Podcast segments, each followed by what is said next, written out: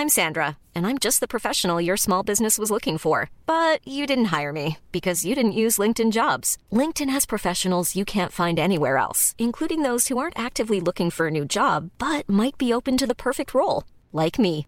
In a given month, over 70% of LinkedIn users don't visit other leading job sites. So if you're not looking on LinkedIn, you'll miss out on great candidates like Sandra. Start hiring professionals like a professional. Post your free job on linkedin.com/people today. Burrow is a furniture company known for timeless design and thoughtful construction and free shipping, and that extends to their outdoor collection.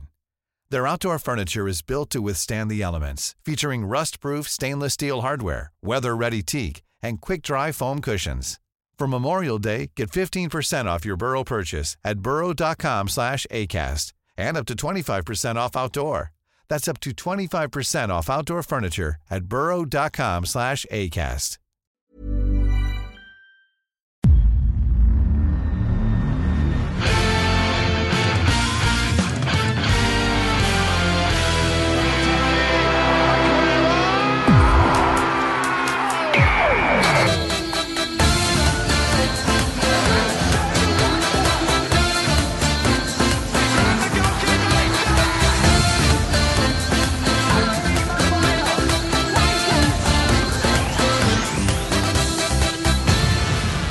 Då säger vi hjärtligt välkomna tillbaka till ett nytt avsnitt av Rule Britannia. Vi kan äntligen konstatera att eh, den eh, långa landslagsveckan är över och vi är nu i det där minimala vakuum som uppstår mellan landslagsbollen och att vårt älskade Premier League äntligen är tillbaka igen på lördag och eh, äh, men vad fan, man känner ju eh, nu Fabian, speciellt också med tanke på svensk landslagsfotboll, den ska vi inte fastna i, men helvete vad gött det ska bli med Premier League-fotboll till helgen. Alltså grejen var ju att när landslagsuppehållet kom efter den där eh, ja, men tuffa jävla förlusten mot, eh, mot Arsenal som har tagit tid att smälta nästan som att, att man har glömt bort den. Men där är vi, eh, att det kändes som att det skulle bli skönt att det blev landslagsuppehåll men Samtidigt som eh, domaren blåste pipan och eh, förstörde Sveriges eh, chanser till att kvalificera sig för EM för alla människor i hela världen, förutom Jan Andersson,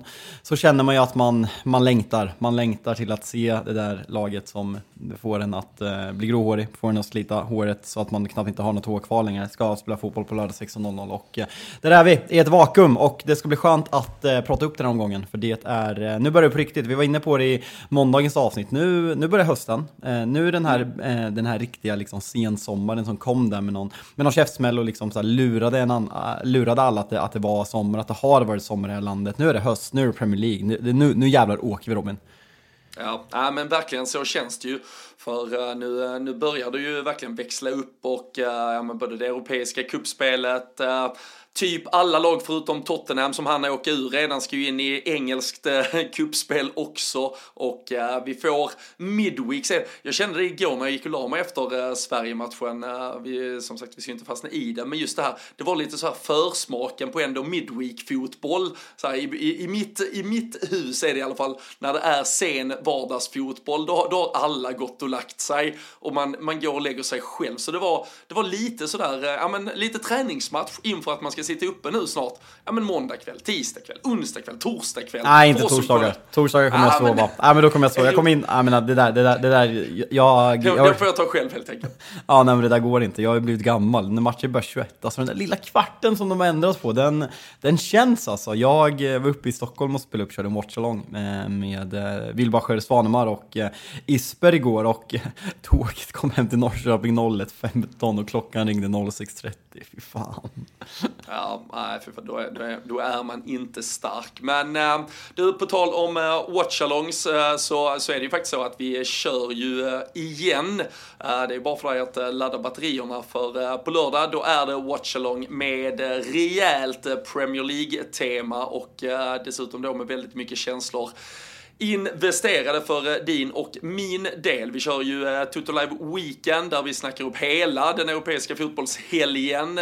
Kan väl råka kanske bli lite svenskt landslagssnack också. Vi får väl se, men det kör vi klockan 11 till 13 live på YouTube och sen då, eh, ja men i stort sett direkt efter men inför att eh, Liverpool Wolves eh, sparkar igång på Molineux 13.30 då, eh, då kickar vi igång långsändning och sen fortsätter det ju bara in i en, ja men riktigt jävla het 16.00 omgång får man ju säga. Det är ju ditt United mot Brighton såklart, huvudfighten.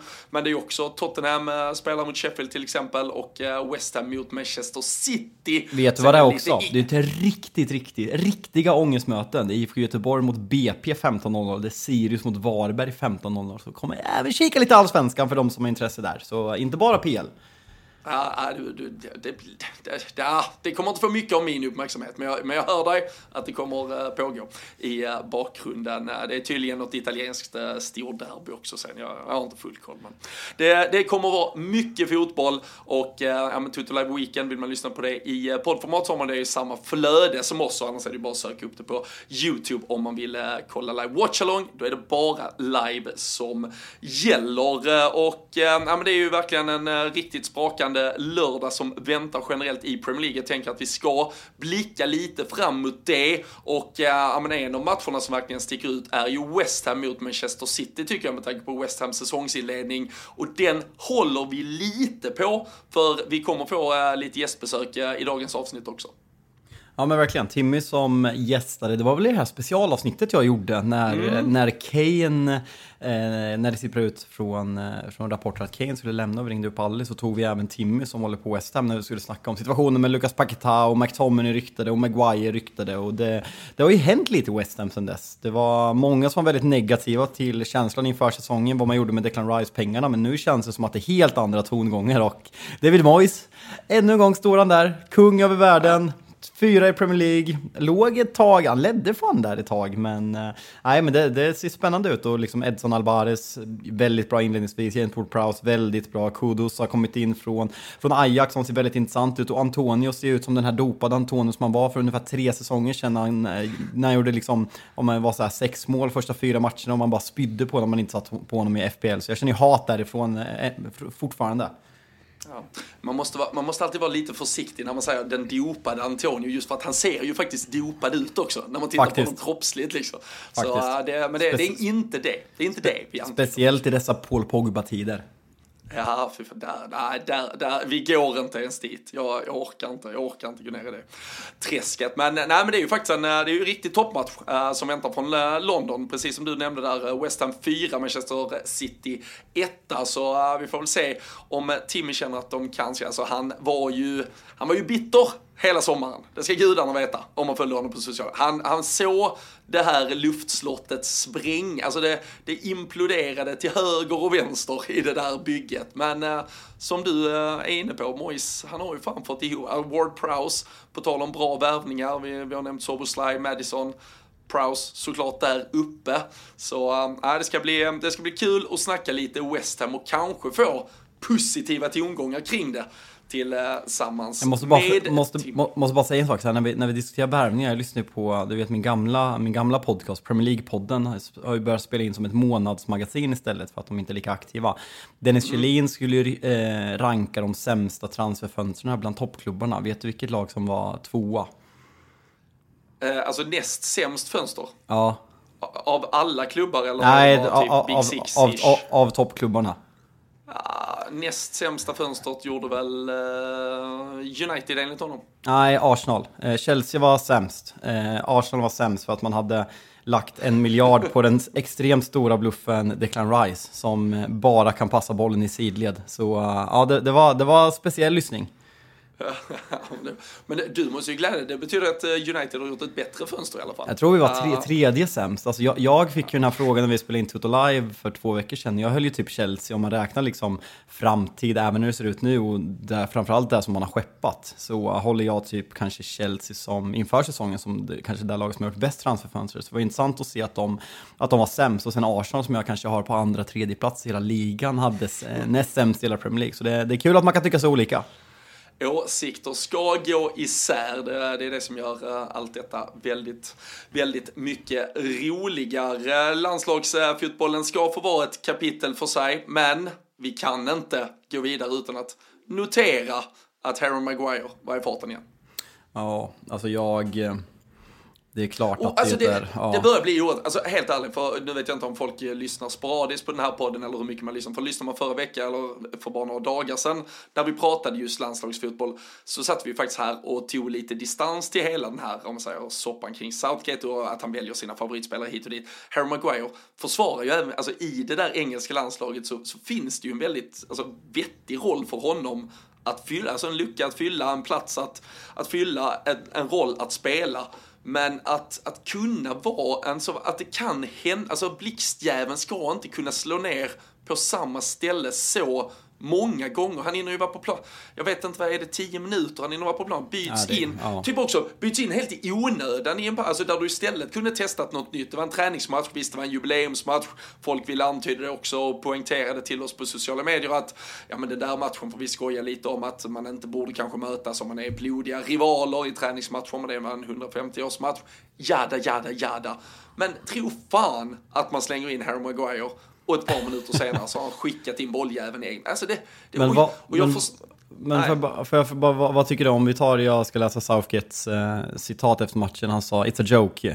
I never known a player treated like he is, not by the Scottish fans, by our own commentators, pundits, whatever it is. It's beyond anything I've ever seen. He's been an absolutely stalwart for us in the second most successful England team for decades. He's been a key part of that.” Och jag, alltså, jag har ju också gjort mig skyldig till att göra mig rolig på Harry Maguire, men samtidigt så här, sen, liksom vi, vi sitter på Twitter, vi poddar i Sverige, det här är ingenting som når honom, det är mer liksom kanske större aktörer i England, men sen samtidigt, jag kan ju absolut kräkas på svenska folk, liksom så här, det, det, är- inga direkta mediemänniskor, men som använder Harry Maguire för att samla likes på Twitter för att det är så jävla billigt och så här, ska man utse, alltså så här, folk glömmer att han var bra första två säsongerna för Manchester United, sen har han ju liksom blivit, de senaste två åren har det blivit parodiskt, men jag, jag, jag hör ju vad Southgate säger, säger och man får ju inte glömma att det finns en människa där borta, sen samtidigt, mm, vad man gör i Sverige, det når ju som sagt aldrig honom, så det är svårt. Men det är klart att man tycker synd om honom. Alltså hoppar in mot Arsenal och de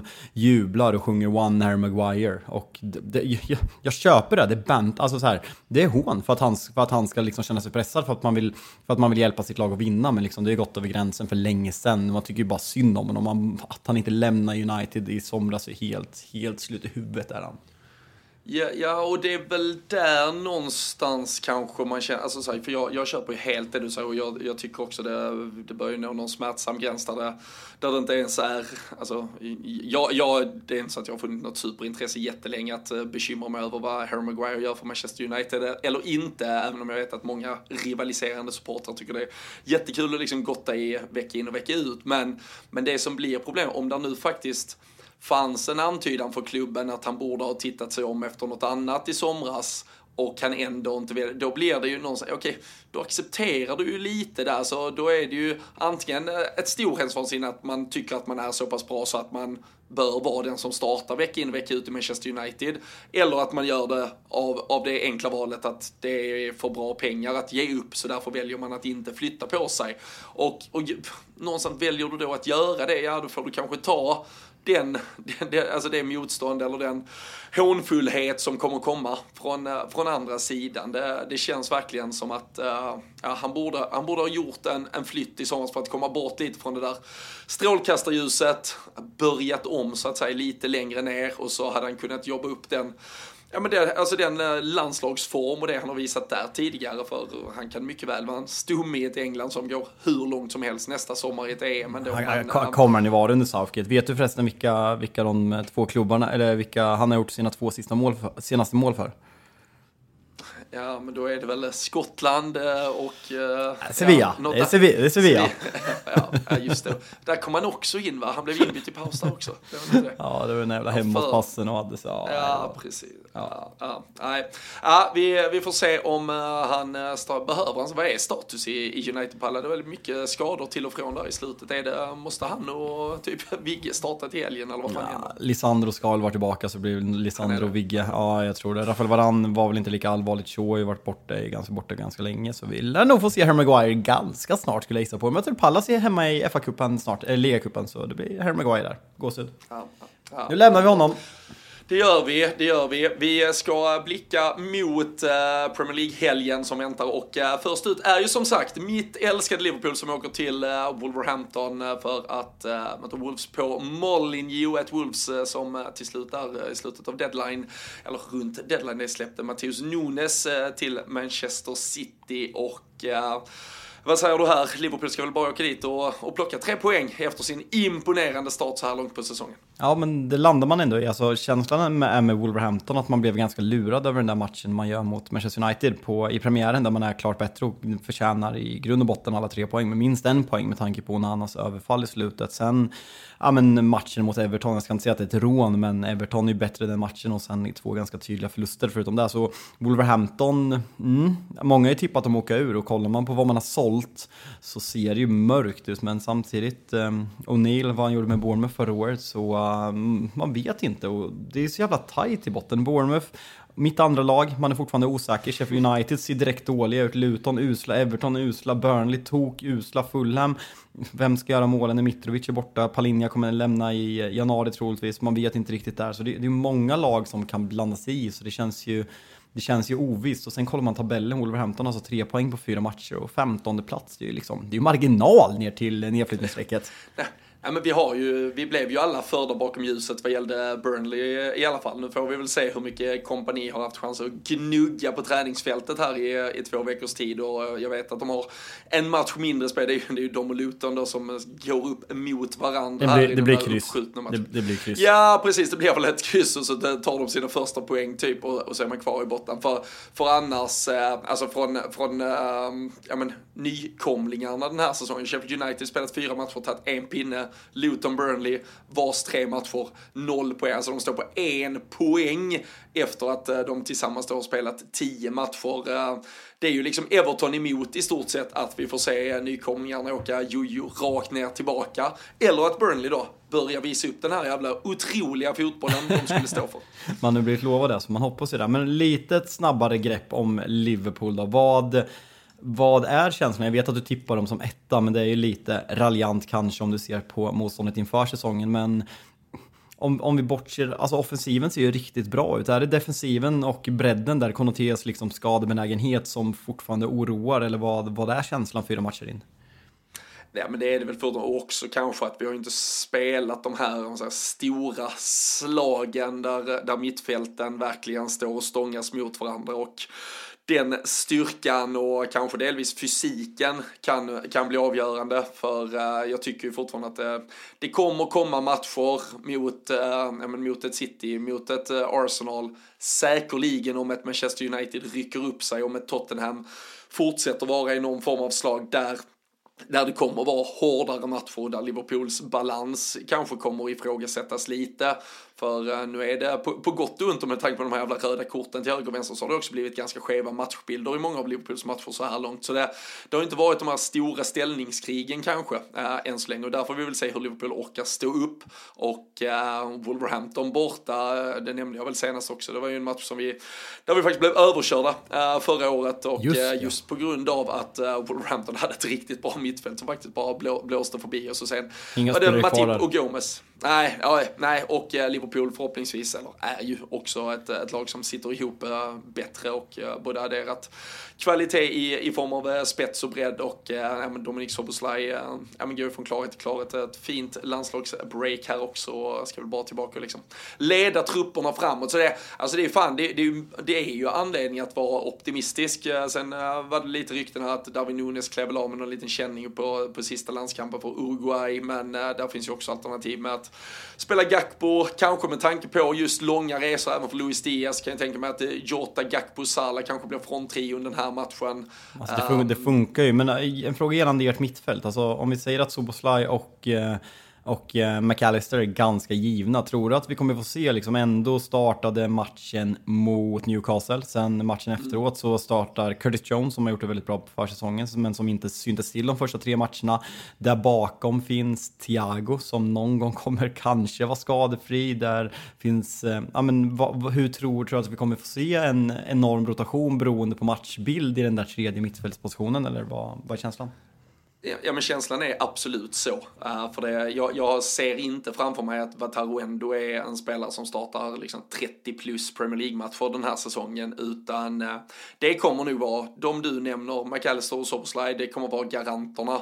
Sen uh, hur vi vrider och vänder den där triangeln lite, det kommer vara upp till motstånd. Uh, Ryan Gravenberg har vi ju där dessutom uh, adderat i tillägg till det. Just det. Så det, det kommer nog eh, sättas lite beroende på eh, ja, men förväntad matchbild. Tar vi taktpinnen direkt, behöver vi ha lite mer kanske både fysik, närvaro och defensivt, eh, någon som stannar upp lite. Och eh, sen får vi ju se eh, hur eh, Trent fortsätter utvecklas i någon form av roll, om han ska fortsätta inverteras på samma sätt som tanken var i slutet av förra säsongen som vi såg tendenser av i början på den, men som kanske man har fått gå lite ifrån, också tvingats gå lite ifrån med tanke på hur matchen har sett ut. Så det är, alltså det är ju ett Liverpool som, som har klart mycket kvar att bevisa, men där jag ändå tycker att glimtar och mycket har antytt att det fan kan vara på, på rätt väg på, på många saker i alla fall. Fulham Luton då, 16.00 tankar? Noll tankar, absolut inga. Jag tippar 1-0 Raúl Jiménez gör sitt första mål i matchen. Säger du emot? Nej, nej fan. Nej, alltså hade Luton haft hemma hade jag kunnat sagt något annat, men det är klart att Fulham vinner här, även om de inte heller har imponerat. Vad Tottenham, Sheffield United, det är väl dock Sheffield United har varit tuffa. Alltså man står upp bra mot City, alltså det, det är ju det laget av nykomlingarna som har stått upp mest och varit närmast poäng. De har tagit en poäng, men man har varit närmast att få med sig mer i matcher också. Men Tottenham ser jävligt bra ut och Son vart snacks på Twitter när han gick med en ispåse runt knät, men han startade matchen där och då, då känner man bara så här, har du sett liksom när LeBron James spelar slutspel i NBA? Han är ju liksom is över hela jävla kroppen för att kunna dyka upp dagen efter. Men har du framförallt sett när Son inte får straff i träningsmatchen mot Saudiarabien? Nej, jag, faktiskt, jag, såg, jag såg en rubrik, men jag, jag la inte ner tiden att kolla på det. Fanns det VAR eller? Nej. Va, vad sa du? Fanns det VAR eller? Det kanske man inte kör i träningsmatcher, jag vet inte. Nej, jag, jag, jag, jag, hoppas inte det fanns. Däremot så fanns det ju en engelsk domare, det var ju Andy Madley som, som höll i pipan. Så det är ju inte konstigt att det går käpprätt. Nej men alltså han är helt fri eh, mot målvakt och får alltså en bensax bakifrån, bara sulas ner. Var det Och mot Saudi sa du? Ja, alltså han glider i ja, klart det var. kapp, plockar, plockar honom lite så här. Ja, men med en touch först, och det räcker ju för att han är ju så otroligt hög fart så han faller redan vid den touchen. Men sen när han är på väg ner och fullföljer in med en jävla sax och sänker honom. Men, nej, nej, avvärjande, ingenting att säga här. Det är bara, äh, man är... De, de engelska domarna har man inte saknat äh, Nej, inför helgen. det har man äh, inte. De, de kommer att vara där. En match, en match som jag ser fram emot, som ändå finns ganska mycket frågetecken kring, är faktiskt Newcastle-Brentford som spelas 18.30 på, på lördag. Newcastle som ja, men började helt fenomenalt och man var väldigt imponerad över Tonali start och hela Newcastles start när man pulveriserar uppsnackande Aston Villa. Sen efter det är det ja, men tre raka förluster. Dock så har det varit ett väldigt svårt schema för Newcastle och ser man till ja, men statistiken så är man fortfarande ett av de lagen som släpper, in, släpper till absolut minst chanser i hela ligan. Så frågan är ju liksom, Kommer det vända nu när schemat börjar vända? För det är viktigt att haka på nu, för börjar man tappa mer poäng, speciellt i en sån här match mot Brentford, som ändå är ett lag som kan utmana om topp 10 och har imponerat på de första fyra matcherna, då, då börjar liksom, då börjar Newcastle halka efter för mycket. För man, man ska slåss på två fronter och det har man inte gjort på en jävla massa år. Så en super, superintressant match 18.30 på lördag. Ja, och vi snackade ju för, för ett par veckor sedan med vår, eh, vår kära vän Tobias Emmerdahl som, som har gästat oss ett par gånger kring just det där. Han vill ju inte han ville ju inte säga hur mycket man skulle satsa på Champions League utan han ville ju först se lottningen eh, hit och dit och, och nu, nu vet vi ju och har ju fått den konstaterad att det är, det är ett PSG, det är ett Dortmund, det är ett Milan i den där Champions League-gruppen. Uh, så uh, om inte Newcastle ska framstå som fullständiga turister där så måste man ju verkligen lägga krut i den där Champions League-gruppen också och att göra det parallellt med en, uh, ja, men en Premier League-säsong där man redan under hösten här då tidigt har lite kniv mot strupen att eh, haka på för eh, vi har redan snackat upp 8-9 lag som i stort sett med lite träff kan ge eh, sig till känna om en topp 4-5 placering. Och ja, från Newcastle sen så börjar det ju bli långt redan. Så äh, tre, tre poäng är väl ett måste mot Brentford. Och äh, frågan är väl Alexander Isak såg ju inte stekhet ut här mot eh, Österrike heller så frågan är fan inte om det inte blir Kellen Wilson, eh, eller Wilson såklart, som eh, tar starten. Nej, det är väl inte omöjligt. Förhoppningsvis att Alexander Isak får den ändå. En annan match som också är intressant, som har ett häpnadsväckande om man kollar inbördesmöten just på Goodson Park. Jag tror att Arsenal om det är fem eller sex senaste matcherna på Goodison i ligan har man inte lyckats vinna. Pierre Hertin åker till Goodison sista säsongen på söndag 17.30 svensk tid. Tror du att Arsenal lyckas bryta den här förbannelsen på Goodison? Ja men det blir ju någon form av förbannelse som ska brytas åt, åt något håll. Här ska Everton ta sin första vinst för säsongen. Ska man lämna den där absoluta bottenträsket eller ska Arsenal då för en gång skulle få vinna på Goodison innan den rivs och jämnas med marken. Men eh, det är, alltså, Everton är ju trots allt, jag tror de kan ändå vara ett lag som har fått må bra rejält av att börja om. Alltså det är ju inte, de är inte stora saker som hände i slutet, men de fick in Beto till exempel i ja, men sista dagarna på fönstret, få igång honom, se vart det kan leda. Men eh, Alltså, Everton har allt att vinna här i alla fall och de, de kan ju som, precis som du är inne på, de har grisat bort Arsenal från saker och ting för det var ju en av Arsenals första plumpar, det var väl, ja men typ tidig vår, Daesh första match kanske till och med det var. Det var det var, det var. 1-1-0, riktig Everton, ja. var, var, det inte typ såhär uh, McNeil ja, men det var väl dessutom McNeil till Tarkovsky, exakt, det var Burnley all over. Ja. Så, uh, ja men det är klart att Everton uh, har vevat den matchen säkert tre, fyra gånger och finner styrka i att de ska kunna göra det igen, men Um, ja, och jag, jag, tycker inte, jag tycker inte vi har fått se ett lika bra Arsenal om man bara objektivt bedömer dem spelmässigt som vi såg stundtals förra säsongen. Så uh, det är väl uh, ja, uh, lite make it or break it för, för båda lagen. Everton måste ju någonstans börja ta några jävla poäng om man inte ska hamna i riktig trubbel direkt här och eh, för Arsenals del så så måste man ju vinna den här typen av matcher ändå, hur mycket borta spöke som än kan leva över matchen liksom. Så uh, ja, intressant som fan att se vad de kan uh, ställa till med. Ja, Arsenals senaste seger på Goodson är 2017 alltså, så det, det är ett ja, det är eh, bra tag sedan. Och så ska man läsa in något i det där. Alltså jag kommer ihåg, jag kommer ihåg alltså från back in the days, alltså riktigt underhåll, alltså så här David Moyes Everton med, med Fellaini, Tim Cahill och Mikael Arteta mot Arsenal med liksom, alltså Fabregas, Arsenal, Nasri, Bakary Sanja, Arsenal, att man fortfarande, det var, att det var väldigt underhållande matcher mellan, mellan lagen i fråga och framförallt på, på, på Goodison då. Jag tror, tror, ingen har refererat till ett Arsenal, alltså en Arsenal-upplaga som Bakary Sagnas Arsenal, men, uh, men, jag, men jag, jag hör dig. Jag hör dig, absolut. Det, uh, ja, men, det, men alltså Everton, alltså, jag, jag tror snarare det är Everton du nämner med, med de spelarna och de profilerna. Då, då var ju många, alltså må, många lagsmöten med Everton var ju alltså, starka. Alltså det, det var ju något som, som faktiskt Och det, sjuk, det sjuka var att Moyes inte vann ett enda borta möte mot Big Six ändå. Nej. Nej, och han vann ju aldrig på, på han har väl fortfarande aldrig vunnit på Anfield tror jag. Nej, så, tror jag inte. Han var inte ett enda med United heller så. Nej, han, eh, han kämpar på. Men du, äh, ångestmacka deluxe är det ju även för Chelsea där på söndagen som jag går till äh, Bournemouth borta.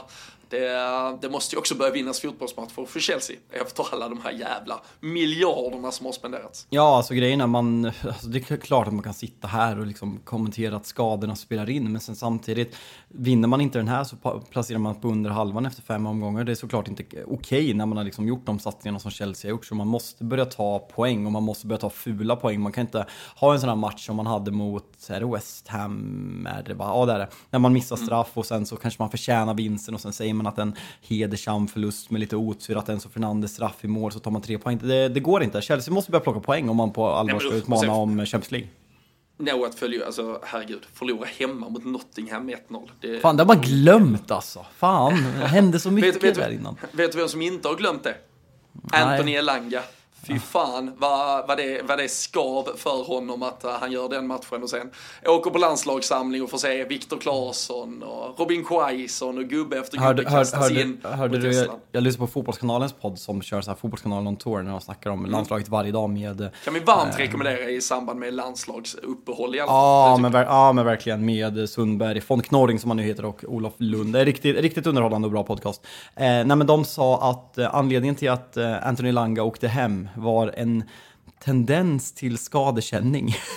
ja, men jag, jag, lyssnade, jag lyssnade faktiskt på, uh, på Jannes, nu, nu är det sidospår, fast uh, vi, vi, trots allt det handlar ju om Anthony Langa och det är Premier League-koppling.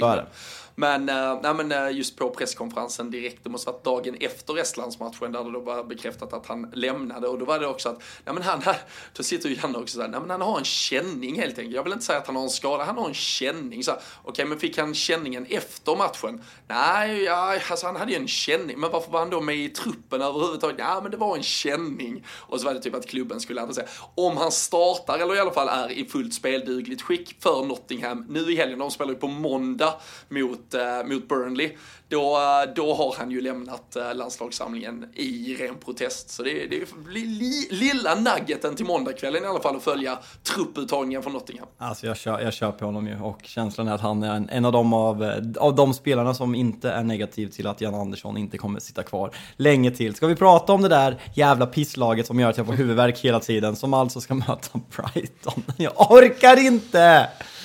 Det, alltså United, United är sämst mot Brighton, alltid.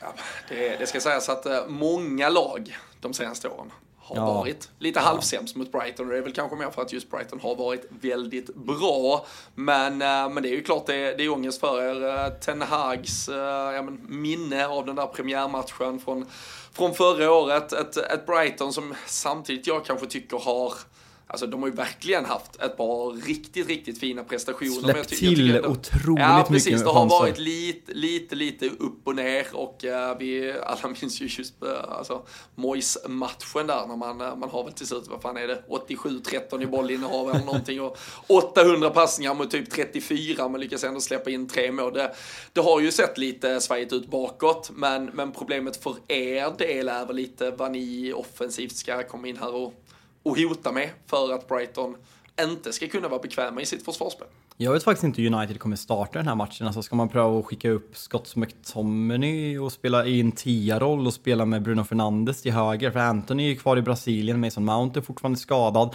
Amrabat fick åka hem från, eller om han inte ens åkte till landslaget för någon eh, backpain. Det var en eh, Fredrik Ljungberg nödvändig anglicism av mig. Ber jag såklart om ursäkt. Ryggont är ju lite svåröversatt så jag förstår. Sa, sa han transition 38 gånger i studion igår eller vad landade vi på? Jo, det var något som... Den, den bästa, var, det bästa var när han körde And the gameplay, the, the yeah, game plan game. dies. alltså, det, the alltså, det, alltså det, det, det, säger man inte ens i England. Alltså, så här, har du hört nej, en pandit i England säga det någon gång? Nej, nej, men Fred, nej, fy fan. Nej, nu, vi, vi ska intervjua, alltså, Niklas, Niklas Ljungberg, Niklas Gide tyckte ju Ljungberg skulle ta över, för han har ju bott i England också. Med Brolin, med Brolin. Ja, med Brolin. Stark, stark skalle hade han i alla fall. Eller så. Sålt dammsugarmunstycken i 25 år sedan han la ner karriären. Rolig på Instagram också ja, det är så, ja, det är så uh, vilse där ute i uh, svensk fotboll just nu så vi, uh, vi ska inte fastna för mycket där. Men, uh, men vad fan, det, vad, vad, har ni för, jag tänker, ni, ni snurrar ju ett par unga killar under försäsongen så är det inget snack om att man tar något riktigt långskott och skickar in någon ny gubbe i hetluften. Ja, Jacob Noe är skadad fortfarande, Skadas ju i en försäsongsmatch efter den där briljanta insatsen mot Arsenal. Så jag kan nog tänka mig att det kan bli Casemiro, Eriksen i ett sittande, Bruno Fernandes i höger och Scott McTominay som, eh, ja men som i Skottlands Scott McTominay, alltså liksom prime Henry Scott McTominay, alltså prime Pippo Inzaghi, Scott McTominay. Inte förlåt, Sancho är inte förlåten nu när han har tagit bort, han hade ju pinnat sin sån här tweet förstod jag.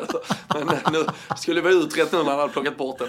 Alltså det är så kul att han pinnar. Laura Whitwell skrev faktiskt en artikel om det här idag och han, han drog ju till direkt efter matchen mot Arsenal så drog han med Aron van Bissaka och var på John Wall. Eh, väldigt framgångsrik pointguard i eh, NBAs födelsedagsfest, så de nu lärt känna honom. Eh, väldigt oklart, men ehm, så han drog ju dit, så han har kommit till Carrington nu, nu i dagarna och förmodligen haft ett möte med, med Ten Hag. Och eh, Laurie Whitwell skrev också att de var väldigt öppna för att sälja Sancho till Saudiarabien för summan ungefär runt 65 miljoner pund, men att Sancho, han drog ju till USA så han var inte ett dugg intresserad av att gå till Saudi, så um, det ska bli kul att se vad som händer där, men jag tycker att det är tydligt att Alltså Ten Hag ratear inte Sancho eh, och jag har svårt att se att det här löser sig så länge Erik Ten Hag är tränare i Manchester United. Han kanske kommer göra sporadiska inhopp, startande match här och där, men att han ska bli den spelaren man hade förhoppningar på att han skulle bli när han skrev på, det ser jag som väldigt osannolikt tyvärr. Ja. Nej, vi, vi får se. Vi, vi ska, ifall någon nu har suttit med spelschemat framför sig och betat match efter match, ska vi konstatera att det är även Aston Villa Crystal Palace klockan fyra på lördag. Men vet du vad, det skiter vi fullständigt i, för vi ska istället alldeles strax här börja blicka framåt mot eh, då helgens eh, storfight, som det faktiskt är om vi tittar i tabelläget, West Ham mot Manchester City. Men eh, framförallt kolla hur fan Timmy mår efter att West Ham har gjort den kanonöppning man har har gjort. Men jag tänker innan vi eh, välkomnar på Timmy ska vi också bara säga att eh, Rule Britannia görs i samarbete med ATG. Och eh, jag har ju varit inne och kikat lite nu här efter, eller inför att du och jag ska sitta tillsammans i helgen och följa ett par matcher live och ja, men hetchat mig lite mot olika resultat. så det ligger lite tips på Wolves Liverpool, det ligger lite på United Brighton och det är ju för att jag är 18 år fyllda, minst, och hade jag haft problem så hade jag kikat in på stödlinjen.se istället. Men vill man precis som jag, säkerligen precis som du, lägga några tips till helgen så kan vi varmt rekommendera atg.se. Men eh, nu gör vi som så att ni sitter kvar där och så plockar vi in Timmy Gummesson i Rule Britannia är sponsrade av Ullmax och när hösten snart står för dörren känns det som en given kamrat att hålla i handen. Ullmax erbjuder riktigt högkvalitativa funktionskläder som gör sig perfekt när det börjar bli lite kallare men man vill fortsätta vara ute i naturen och bibehålla en aktiv fritid. Ja, du eh, gillar ju till exempel att vara en hel del ute i motionsspåren Fabian och eh, när eh, termometern nu sakta tickar neråt gäller det väl att fortsätta hålla sig varm. Ja men precis så är det ju och underställen från Ullmax är klockrena. De ser både till att man håller sig varm men också att man känner sig lika rörlig som vanligt ute i löparspåren. Ja, min, eh, min egen puls kanske stiger mest när jag står vid sidlinjen nu för tiden och coachar någon eh, ungdomsfotboll. Men eh, man har ju lärt sig att långa vintrar på fotbollsfälten, där blir det snabbt riktigt jäkla svinkallt. Så för mig så blir det att länsa lagret borta på Ullmax och gå loss på underställ i merinoull, varma strumpor, nackvärmare, ja men egentligen hela sortimentet. Man vill ju helst egentligen se dig stå där i en riktig Wenger-jacka och huttra på linjen ska ju dock sägas. jo, absolut. Jag förstår den tanken, men med Ullmax grymma funktionskläder slipper jag det och eh, vi säger istället stort tack till Ullmax för att ni är med och möjliggör Rule Britannia. Ja men då har vi fått äh, sällskap här i den underbara Rule Britannia-värmen och Eh, ja, men uh, välkommen tillbaka säger vi till uh, Timmy Gummisson. Det är ett uh, par veckor sedan, det är väl ja, men drygt en, en och en halv månad sedan och jag vet inte hur fan läget var då, men läget just nu måste fan vara riktigt bra. Ja, först och främst tack så mycket. Ehm, Läget är bra. Eh, känns tråkigt att gå på det här eh, landslagsuppehållet när vi... Eh, Nej, bästa som finns. bästa som finns. Men, eh, och vi får ett extra långt nu för jag räknar inte in att vi har något att hämta i helgen. Så vi kör ett extra långt eh, landslagsuppehåll i, i West Ham. Ja, men du, nu har vi byggt upp det som att uh, nu är det ju David Moyes, uh, alltså Army här, som bara ska plöja hela säsongen framåt. Du kan ju inte, kan inte redan räkna bort det mot pissiga Manchester City. Ja, Robin har ju också sagt att det, att det är omgångens möte, så då får ju oss lite hopp att det finns någon chans att ta de jävlarna på poäng i alla fall. Oh, nej, jag vet inte. Det, det är pessimisten som är kvar i, i, i mig och den kommer nog aldrig lämna heller. Så nej, jag vet inte. Jag tror inte på någonting, men det är då också då man blir positivt överraskad.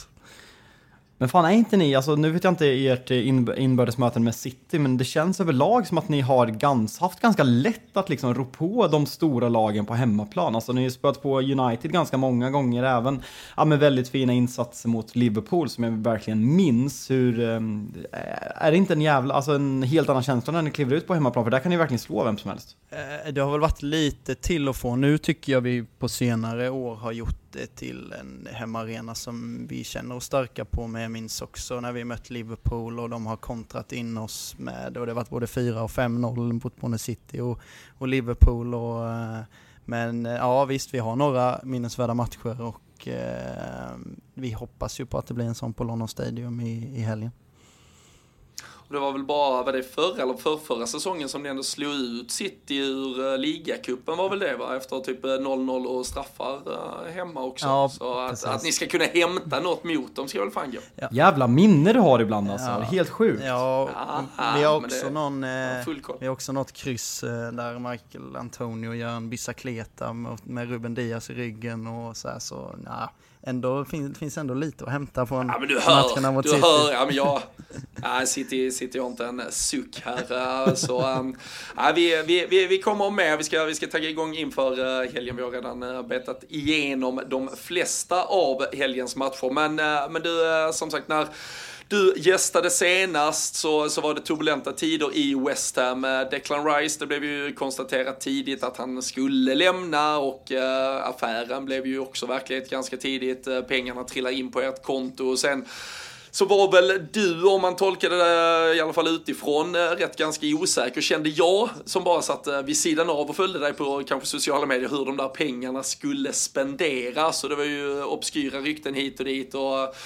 Jalkemo ville väl gärna att ni skulle komma med hela pengapåsen och plocka både McTominay och Maguire liksom. Men eh, det har ju fan blivit ganska bra av det väl? Eller eh, vad, eh, vad är ditt omdöme på, eh, med såklart, alltså det är korta tider och vi kan inte ge något fullt utslag än på resultatet. Men på pappret, hur vi ser att ni ändå återinvesterat pengarna. Alltså det jag minns från det avsnittet vi spelade in då var att ingenting åldrades särskilt bra. Jag minns att jag sa att jag tror att Harry Kane stannar. Dagen efter så var han klar för Bayern München. Vi snackade om att Harry Maguire var mer eller mindre klar och det blev inget av det där också. Så men, eh, och jag minns väl, vi hade väl precis gjort klart med Edson Alvarez, eh, vilket visar sig vara precis vad vi behöver på det där mittfältet. Och nu så här i efterhand så är det ett fönster som jag är mer än nöjd med. Med en eh, Mohamed Kudo som vi egentligen inte har sett än, men som ska bli väldigt spännande att följa. Så att det är mycket mer positivt nu än vad det var tidigare. Men det är lite så med, med West Ham. Ja, är, är Kudos, eh, är det up and running nu till, till helgen så han kan få en första start redan mot City eller hur går snacket? Jag vet inte om det är en eh, start på, alltså nu, han har gjort mål eh, två matcher i rad med, med landslaget här och så, så han är ju i bra form men det är också David Moyes som väljer laget och vi, jag ser nog att det blir Antonio på topp med fyra centrala mittfältare bakom så att jag tror inte det blir en start i helgen, men kanske mot Liverpool eh, helgen efter. Mm. Hur, eh, om, vi, om vi tittar på, eh, dels du kan komma till om det är fler nyförvärv du vill lyfta, men också att det till slut blev att ni åtminstone tills vidare lyckades behålla Lucas Paqueta. Hur, hur viktigt var det och hur mycket fulspår, alltså spred ni bara ryktet om hela den där spelskandalen och allting kring honom? Man har inte hört någonting mer efter att affären kraschade. Nej, jag, det, jag vet faktiskt inte vad det var. Det kanske var någonting som eh, någon spred för att få honom att stanna. Jag vet inte. Jag hoppas det är något fulspel bakom för det, det piggar ju upp faktiskt. Eh, men eh, det känns som att det där är så svårt att bevisa. Och, men jag blev ju själv chockad när det kom ut för det känns verkligen inte som... Det känns bara som att Paquetá är den här brasilianen som är med good vibes och fotboll och, och allting. Men det är ju vitalt för oss att han stannar och inte bara för att han är en fantastisk fotbollsspelare utan för att man som supporter har det där lilla extra i truppen med fläden. Vet, vi har alltid haft någon som kan göra det där lilla extra med, med Payet och vi har haft när Lanzini var i slag och att man har någon som man tänker och hade han försvunnit så ja, då hade det känts ännu mer, mer deppigt än vad det, vad det gör nu i alla fall. Men gällas, gällande Lucas Paquetá, jag, eh, alltså som du som följde West Ham väldigt nära förra säsongen, han hade ju en tuffare höst och sen kom igång på våren, men just den här Alltså var han så här Brunes Fernandes-aktig på planen om du fattar vad jag menar? Alltså han är ju som motståndarsupporter vidrig. Såg man det här förra året eller har det blivit ännu bättre slash värre beroende på vilken ringhörna man ser i år? För det, det är en, jag reagerar på det mer i år och jag, jag älskar det för jag har inte mött honom. Det, det jag reagerade på när jag började följa han slaviskt varenda minut, vecka in vecka ut, var att det är som fruktansvärd arbetshäst. Alltså han slutar aldrig jobba. Det är eh, någon som, bara, som har så underskattade defensiva egenskaper och eh, det känns som att nu när han är mer inne i det här Premier League eh, lingot så, ehm, så tar han också ut den kaxiga biten och matchen mot Chelsea, det var alltså, vad var det för match han gjorde? Alltså det var, han filmade, han var urkass i tio minuter. Det känns som att hela matchen handlade om honom och det var bara så härligt att se någonstans. Man. Vi, eh, vi har eh, studsat runt eh, många namn här men, men den som kanske ändå har varit absolut bäst av alla måste vi väl ändå konstatera har varit James Ward Prowse som, ja men han har ju tagit allt, allt det som såklart hela sydkusten älskade honom för att han bidrog med i Southampton men känns som han visar att han, han går rakt in på denna nivån också, han kan skruva upp det ytterligare och han kan väl bara fortsätta styra och ställa på ett mittfält som ändå håller högsta möjliga Premier League-nivå. Ja, det är ju precis vad man vill få in när en sån som Declan Rice lämnar. Ehm, de är ju lite lika, inte i spelstilen, men sättet de är utanför plan, den här lilla engelska ledaren som kan eh, ta med sitt lag och sen hans kvaliteter som på liggande boll som är alltså, det är ju nästan man visste ju att han var bra, men när man får den här fuskkoden på varenda jävla hörna är eh, och, och, med tanke på att vi har varit bra på hörnor innan så känns det som att jag tar hellre en hörna än en straff eh, de här matcherna. och eh, vad fan är det? Ett mål och tre assist på tre matcher va? Ja, precis. Precis. Det är två hörner och sen eh, Antonios mål mot Chelsea med var väl en assist med. Så, ja. Nej, det är väl han och Jared Bowen som eh, producerat eh, mest poäng framåt. Eh, Jared Bowen, eh, som du nämner, eh, känns ju lite upp och ner. För det är väl i förfjol han gör sin, ja men alltså, jag ska inte kalla det genombrottssäsong, men, men det blev ju plötsligt en helt annan hype kring honom. Jag som Liverpool-supporter hade ju en hel sommar där det pratades Jared Bowen till Liverpool. Sen såg man hans fjolår och då kände man väl lite att man kanske duckade den kulan. Nu har ju till och med, ja, jag har sett obskyra rykten, men på att han skulle kunna vara ett av typ 10 000 namn på en lista som skulle kunna ersätta en Mohamed Salah framåt. Men eh, är det, är det någon form av så här Jared Bowen som bara är tillbaka eller är det en Jared Bowen som är ännu bättre? Var förra säsongen bara en dipp? Var, eh, alltså att det finns en grundkvalitet, absolut, men vilken jävla nivå håller han egentligen?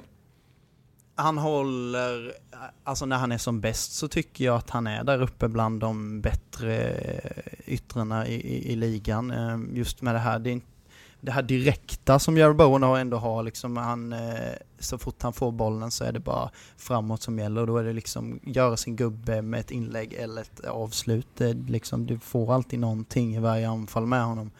Och eh, visst, han hade en dipp förra året, men det är ju alltid någon som spelar alla minuter. Han slutar aldrig springa, så, så han är ju så vital för vad West Ham vill vara också. Så även om det inte var poängen så är han avgörande på sitt sätt varje match ändå. Så jag skulle säga att det är på papper kanske vår viktigaste spelare. Så, ja. Ja men det har man ju sett med, med hur, alltså hela fansen och den, den våren ni hade också senast. Men är inte känslan lite, när du och jag pratade senast så pratade vi lite om den här nej, debatten som har varit, liksom, ska Moyes få ta in sina brittiska spelare, ska ägaren få ta in sina liksom, mer moderna spelare? Även om, om det kanske har skett en liten, alltså, en liten blandning nu, Ward Prowse kanske är en Moyes-gubbe medan liksom, Alvarez och eh, Paketa förra året och sen även Kodos är liksom mer internationella gångbara spelare. Känns det inte som att, du, jag vet att du pratar om att att det var ett perfekt avslut för David Moyes när, när han vann Conference League förra säsongen. Jag har varit inne på det och jag tror inte att Moyes är rätt man att ta West Ham vidare. Om vi säger att Mojs gör det även bra i år, men känns det inte som att, om, om vi tar bara för ett halvår sedan, så känns det som att läget för att en modern tränare att komma in och ta över den här truppen är jävligt mycket bättre. Man har byggt för framtiden på ett väldigt diskret sätt, men som samtidigt gynnar Mojs om det låter rimligt. Ja, jag har ändrat mig helt i den där frågan. Jag, liksom, jag kan inte... Du älskar honom? Ja, jag kan inte... Nej, det sa jag inte. Men det här med, med hur fotboll ska spelas, för att eh, nu är jag så trött på det här eh, Brighton-runket och allt vad man ser på Twitter och allt. Liksom, de hade, de hade så jävla många passningar mot oss och det var eh, så här många chanser och så här, ja men de gjorde ett mål i Du, slutet. vin, du, vinner, hell, du vinner hellre med 13% bollinnehav, jag älskar det. Ja, eh, och så är jag bara vänt ett nu. Fotboll det kan spelas på alla möjliga sätt. Om det innebär att vi ska jobba hårt och vara rena eh, ja, kukhuven om man får säga så. så eh, Det får man. Ja, då säger jag det. Kukhuven. Och sen att vi kontrar in en, två till tre bollar per match. Då är, är ingen lyckligare än jag. Som sagt, Men Antonio då Timmy, vad, vad har hänt där? Han är ju helt på nytt född. Ja, jag vet inte vad det är som driver den mannen och vad det är som... Eh, det känns som att han... Ja, men tänk, bara, tänk bara vad skönt för honom att slippa och ha skamacka i omklädningsrummet och bara veta, alltså det här är min jävla, alltså bara håll dig borta, alltså snälla, åk och spela Serie B eller vad fan du håller till i, det är, alltså bara hem med dig. Ja, vi kan värva hur många anfallare som helst, men det allt, slutar alltid med att det är han som står där. Men det finns en anfallare i hela världen som kan spela David Moyes fotboll och det är Mikael Antonio. Eh, det är den mest otacksamma rollen i hela världen, men det är bara han som kan göra det och han gör det stundtals Van Persie kunde det inte. Nej, absolut inte. ah, fy fan. Ja, det är Everton. Ja, ja, ja, Jakubo, fan, gjorde det ganska bra ändå. ja, le, le, lever han? Det, det, det, var ju, det var ju en Antonio på ännu mer steroider bara, så det är, det är ett, Ani, Vad heter han? Viktor Anichebe? Ja, nu, nu känns, nu känns det som att du hittar på namn. Nej, nej, nej. Jag briljerar bara med min gamla Everton-kunskap. Ja. Ja. Nej, nej vi, vi får se på det, men alltså som vi, som vi nämnt tidigare, alltså 10 poäng av 12 möjliga på, på de fyra första här. Det måste ju ändå finnas alla, jag, jag förstår att du, klok av historien, kommer vara jävligt försiktig inför vad som väntar framåt. Ja, vad är det för jävla men, alltså, men, nej, men, alltså, men, men, med, men med de här eh, alltså, poängen redan inspelade, med att vissa av pusselbitarna har klaffat så bra direkt, Eh, där James Ward-Prowse såklart sticker ut, men eh, där man känner att det finns mycket mer att hämta från ett par då, gubbar också. Nog för, alltså, det är också bara förra årets dipp ifrån att ni tidigare låg år efter år, 7 8, alltså det är ju någonstans där, ni, det är ju förra året som är anomalin i sammanhanget. Nog fan ska ni kunna titta på att ni ska kunna slåss på övre halvan i alla fall den här säsongen. Absolut, det tycker jag också. Och jag tycker också det är lite kul att slå underifrån igen. Eh, för förra, förra säsongen så var det ändå när man såg hur folk tippade tabellen, man förväntade sig att vi skulle vara där uppe. Nu känns det som att man pratar mer om ett Aston Villa, vilket jag eh, kan förstå, för det har sett så bra ut under Una Emery och de har intressanta värvningar och så. Men eh, det känns också som att det är lite eh, historien bakom eh, Aston Villa de senaste åren, att man när man väl varvar bra och allt ser så positivt ut, då det verkar eh, tryta lite också. Så nej, det är bara kul att slå underifrån och eh, över halvan är jag mer nöjd med samtidigt som vi får ett kul äventyr i Europa igen. Fan, vi eh, noterar att uh, jag satte West Ham på 16 plats inför säsongen. Fabian, 14. Oj, oj, Får man... Dags att revidera va? Ja, men kanske. Alltså, topp 10 känns alltså jag som tror, att de... jag, jag, skyller fan, jag skyller fan allting på dig. Du, eftersom du är så jävla bäsig mot Moise har du bara fått det för, alltså du har fått, du har fått att framstå som det här är ett fotbollslag som kommer ta noll poäng och aldrig någonsin vinna en fotbollsmatch. Det är helt otroligt. Så sitter jag och tittar på 11 nu, eller sitter och tittar truppen. Det är klart som fan, så, alltså, hur fan kan man tro att Burnley och Nottingham ska vara bättre än de här gubbarna? Vad i helvete? Man är ju för, alltså, vi lägger ner podden direkt i så här, vad fan är det vi har sysslat ja, med? All kärlek till eh, Leonard, men eh, när han började snacka upp Burnley och Luton som att Luton skulle liksom ta och bara, ja men nej, de kan ändå chocka och liksom ändå nästan hålla sig kvar, eller så här. Ja. Jag, fattar ingenting. Han vill bara få Championship att, att låta aktuellt. Han vill ha Det lyssnare det till sin Det där podd. det handlar om. Ja, ja, ja, ja, ja, ja. Det är faktiskt total gåshud att det är en pinne på de där nykomlingarna efter tio omgångar, eller tio matcher totalt. Då. Nej men alltså grejen med West Ham, det är ju sånt konstigt lag. För då, ni, Timmy, ni har väl två sjunde platser i rad och sen så tippar Ja, man ju un, ungefär lika, lika högt för, förra säsongen. Och sen så, ja men är ni nära på att åka ut ett tag. Men sen gör ni liksom en, ja men en, liksom, en lit- lit sweet escape liksom är väl liksom ett överdrivet ord, men alltså ta den där titeln, men som kollar man på startelvan, alltså det är ju i grund och botten samma spelare och sen så, ja men Declan Rice har ersatts av väldigt många bra spelare, så det är ju ett lag, alltså kollar man Kollar man Brentford med Ivan Tony avstängd i ett halvår så eh, håller man ju West Hams trupp mer. Sen kanske man har mer tilltro till att Brentford har blivit bättre och bättre medan West Ham har haft en negativ spiral. Men liksom man, man underskattar ju, lätt säga fyra omgångar in, men man underskattar ju truppen och kollar mycket på att förra säsongen blev en ganska stor flopp med tanke på förväntningarna. Absolut, det tycker jag. eh. Fan, jag har, bom- har jag Bournemouth som tia Robin? Nej, vi lägger ner Ja dem. men, det, ja men de har ju ändå tagit poäng mot oss så att... eh, Bur- De har- De har Burn- ändå tagit poäng. Burn. Burnley 12, nej fy fan Fabian. Helvete. Ja, nej. nej, du ska få utveckla Timmy. Va? Ja, nu minns jag knappt vad du sa eh, Fabian. här. Eh, Ja, det är Fabian som han, han, han avbryter sig själv eh, medan han ställer frågor Ja. i stort sett. Men, eh, ja, men jag kan ta det fan, på tal när du ändå nämner det. Ivan Tony hade ju varit guld att ersätta Antonio med. Det hade ju varit en uppgradering för er. Eh. Nu ryktas det väl om större klubbar för Tony. Det är en, vad mo- fan, det är en West- moj-spelare. Det är en moj-spelare. Ja. Jag tycker en sån som, eh, ursäkta uttalet ungefär, Avoni, Avo, i eh, Nottingham. Eh, Awoniji. Avoniji, ja. Ja. exakt. Eh, Liverpool-skolad, så det är klart som fan han hade känns helt perfekt för oss, det här eh, lilla kraftpaketet där fram som bara stångas och eh, har eh, knackiga fötter och nej, helt perfekt för, för West Ham. Men eh, om vi blickar mot, eh, mot lördagens fight, och du, du, du får ändå försöka sälja in det som en match som kan vara värd att se känner jag. Nu, eh, nu, alltså City har eh, haft ett extremt på pappret lätt spelschema. De har inte riktigt bjudit, alltså visst det har eh, runnit iväg ett par matcher här men det har också varit med lite dumma hjälp, det har varit lite liksom lätta misstag som har lett till att de har kunnat eh, vinna några viktiga poäng i slutskeden och så vidare. Nog, eh, nog ändå om man försöker samla kraft i det måste man kunna känna att fan, vi ska kunna rå på oss. Alltså precis som att ett landslagsuppehåll inte kommer optimalt för alltså varenda City-spelare har varit ute och spelat dubbla matcher i veckan och eh, ja, kommer tillbaka till detta redan på lördag och större uppgifter och Champions League skit och annat väntar för City framåt.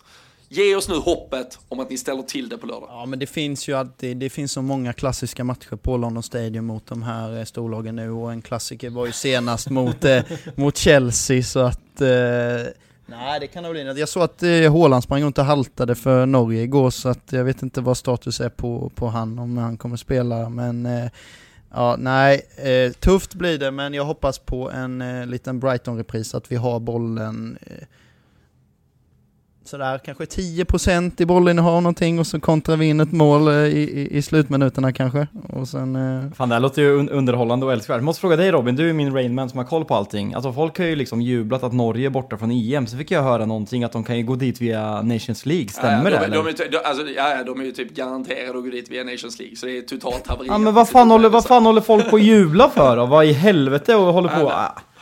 Ja, och det var ju någon jävla 18-årig superstjärna, Antonio Musa nu, som går rätt in och gör två assist. Du vet, äh, återväxten är otrolig i Norge, så det är totalt haveri. Därmed, det är bara att lägga ner verksamheten. De kommer väl göra, det är väl eh, hattrick Ödegård, hattrick Haaland och så Isak kliver på och gör sju minuter deppigt mot Brentford typ. Så. Men eh, vi får sve- Svenskkollen om en vecka av tapper ser vi fram emot. Efter eh, den glädjande landskampen. Ja, vad, vad tror du då? Vi, vi får ju ta dig på, eh, bara, bara känna, känna efter snabbt. Tror du att Anthony Elanga var skadad eller inte skadad när han valde att lämna en landslagssamling? nej, han har ju fattat nu att det, det blir ju inget av det där så att eh, han gör ju helt rätt. Det, det är en viktig match i, i helgen och han vill ju starta och visa att eh, Janne gör fel som vanligt. Ja. vi, uh, det var tvunget kanske att, eh, att sätta lite landslagstouch eh, på detta avsnittet. Uh, svårt hade väl varit annat, men uh, Premier League-helg äntligen som uh, kickar loss då med lunchmackan Wolverhampton, Liverpool. vad Timmy, förutom West Ham, den ser du ju uppenbarligen inte fram emot. Så är det någonting under Premier League-helgen du ser fram emot? vi ska se, jag har fan knappt kollat schemat. Man zonar ut fullständigt. Jag har bara, känns som att jag bara har bråkat med en massa Arsenal, det här eh, landslagsuppehållet. De har hittat på någon låt där nu ju som verkar vara så jävla bra. Så att... då, då, hoppas du på att Ever, då hoppas du på att Everton piskar dit dem på söndag Ja men det, det gör de, det gör de. Sean Dice har jag full tro till så att eh, de, eh, tre poäng. Känns som en Moise-gubbe. Ja, absolut. Ja, Men. Eh, Timmy, vi pratade om det tidigare i podden, du får ju faktiskt i alla fall hänga med oss på en eh, watchalong som drar igång eh, från 13.30 och sluttid, ja men to be continued. Liksom, vi, vi vet inte, det kanske, det, alltså Lionel Messi spelar 23.00, ja. vi kanske kör till 01, vem vet? Ja. Um, vi får se, det, det är watchalong hela jävla lördagen, det ser fram Det kanske mycket. finns någon Saudi-omgång där framåt småtimmarna också som man kan... någon, ja, gång, någon gång ska det göras. Nej, men absolut, ja, det gör jag jättegärna. Ja, men alltså lör, lör, lör, lördagen där när, vi, eh, när, när det plingar in, eh, vi, vi lär väl titta på eh, den deppiga United-matchen, men när det plingar in att Ward Prowse har hängt en frispark i 93 till, till 1-0 West Ham samtidigt som Danny Welbeck sänker United på Old Trafford. Här, då mår man, då kommer det mås. Då ringer, så, vi, då ringer vi Timmy i livesändning. Ja, jag älskar Danny, ja, Welbeck. Ja, alltså, jag älskar Danny Welbeck. Alltså, det är min favorit. Du unnar honom världen. att sänka er. Ja, jag, kan, jag kan fan tänka mig det. Alltså, det är helt okej. Okay. Jag älskar Welbeck. Tänk när James Milner gör det istället. nej, då, nej, då, då, blir då blir jag nid i livesändning. Ja, nej, uh, fy fan. Uh, riktigt uh, ska jag ringa upp dig Timmy. Också kul att du får vara med när det i alla fall, även om du inte vill ta det till dig riktigt än att det är uh, goda tider för West Ham uh, så, så är det ändå skönt att du får vara med på den här jävla berg och dalbanan. Vi, vi lär känna dig på pulsen även när det går käpp rätt åt helvete längre fram. Så uh, vi, vi lär komma till uh, de punkterna också. Europa League för er del också ju, som uh, conference-vinnare från förra säsongen. Det är väl snart igång? Ja, man sett. Har varit för lottning? Freiburg, Olymp Olympiakos och eh, något skitställe i Serbien. Känns stökigt eh, supportermässigt ja, alltså. Vi, vi, vi är ju bannade från första eh, bortamatchen i, i Tyskland, så det blir inget Tyskland tyvärr. I och med att vi kastade ja. hål i huvudet på Biragi i finalen där, så att... Eh, var det du, var det du eller? Nej, det, var ja, nej, det var inte jag, så den kastarmen har jag inte. Eh, Ja, men det är bra. Vi, eh, du, du och jag kan eh, starta lilla Europa League-podden vid sidan av så gnuggar vidare med våra storlag som är ute och härjar mot kan, eh, Lask Linz. Ja, men Jalkemo kom in sen. Kör. Ja. kommer han i februari och frågar. Får jag vara med? Så ny, ny, ny förfrågan i chatten. Kan jag joina? Ska de spela något sådär deppigt kval och så ryker de i någon 16-delsfinal till Europa League också mot något riktigt eh, Ja alltså jag kan ju se det ske, vi kör liksom måndag, torsdag och sen kör ni liksom en kvart special, podd på fredagar med Europa League special för jag kommer inte vänta in Liverpools skitmatch i Europa League. Sen kommer knacken där när jag ska spela 16-delsfinalskval mot någon, någon grupp 2 i Europa League. Det, det, det, jag ser det hända, jag ser det hända. Utslagna mot Häcken på Hisingen.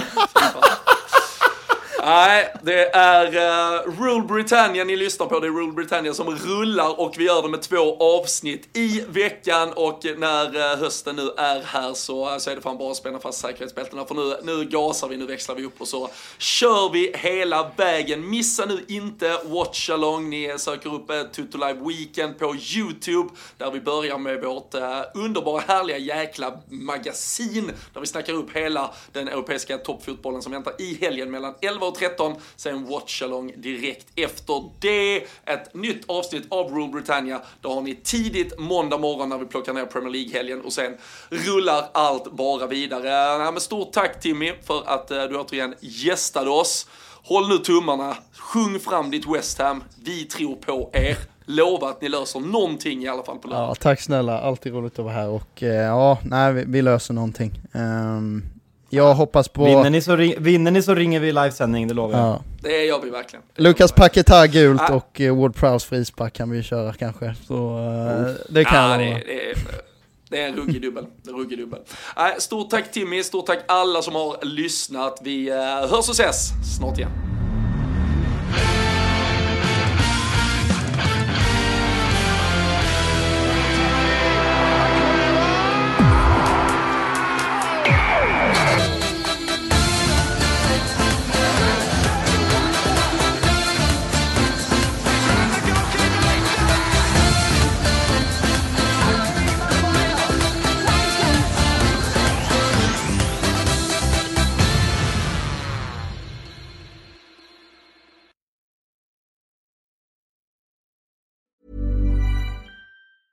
Mom deserves the best, and there's no better place to shop for Mother's Day than Whole Foods Market. They're your destination for unbeatable savings, from premium gifts to show-stopping flowers and irresistible desserts. Start by saving 33% with Prime on all body care and candles. Then get a 15-stem bunch of tulips for just $9.99 each with Prime. Round out Mom's menu with festive rosé, irresistible berry chantilly cake, and more special treats. Come celebrate Mother's Day at Whole Foods Market.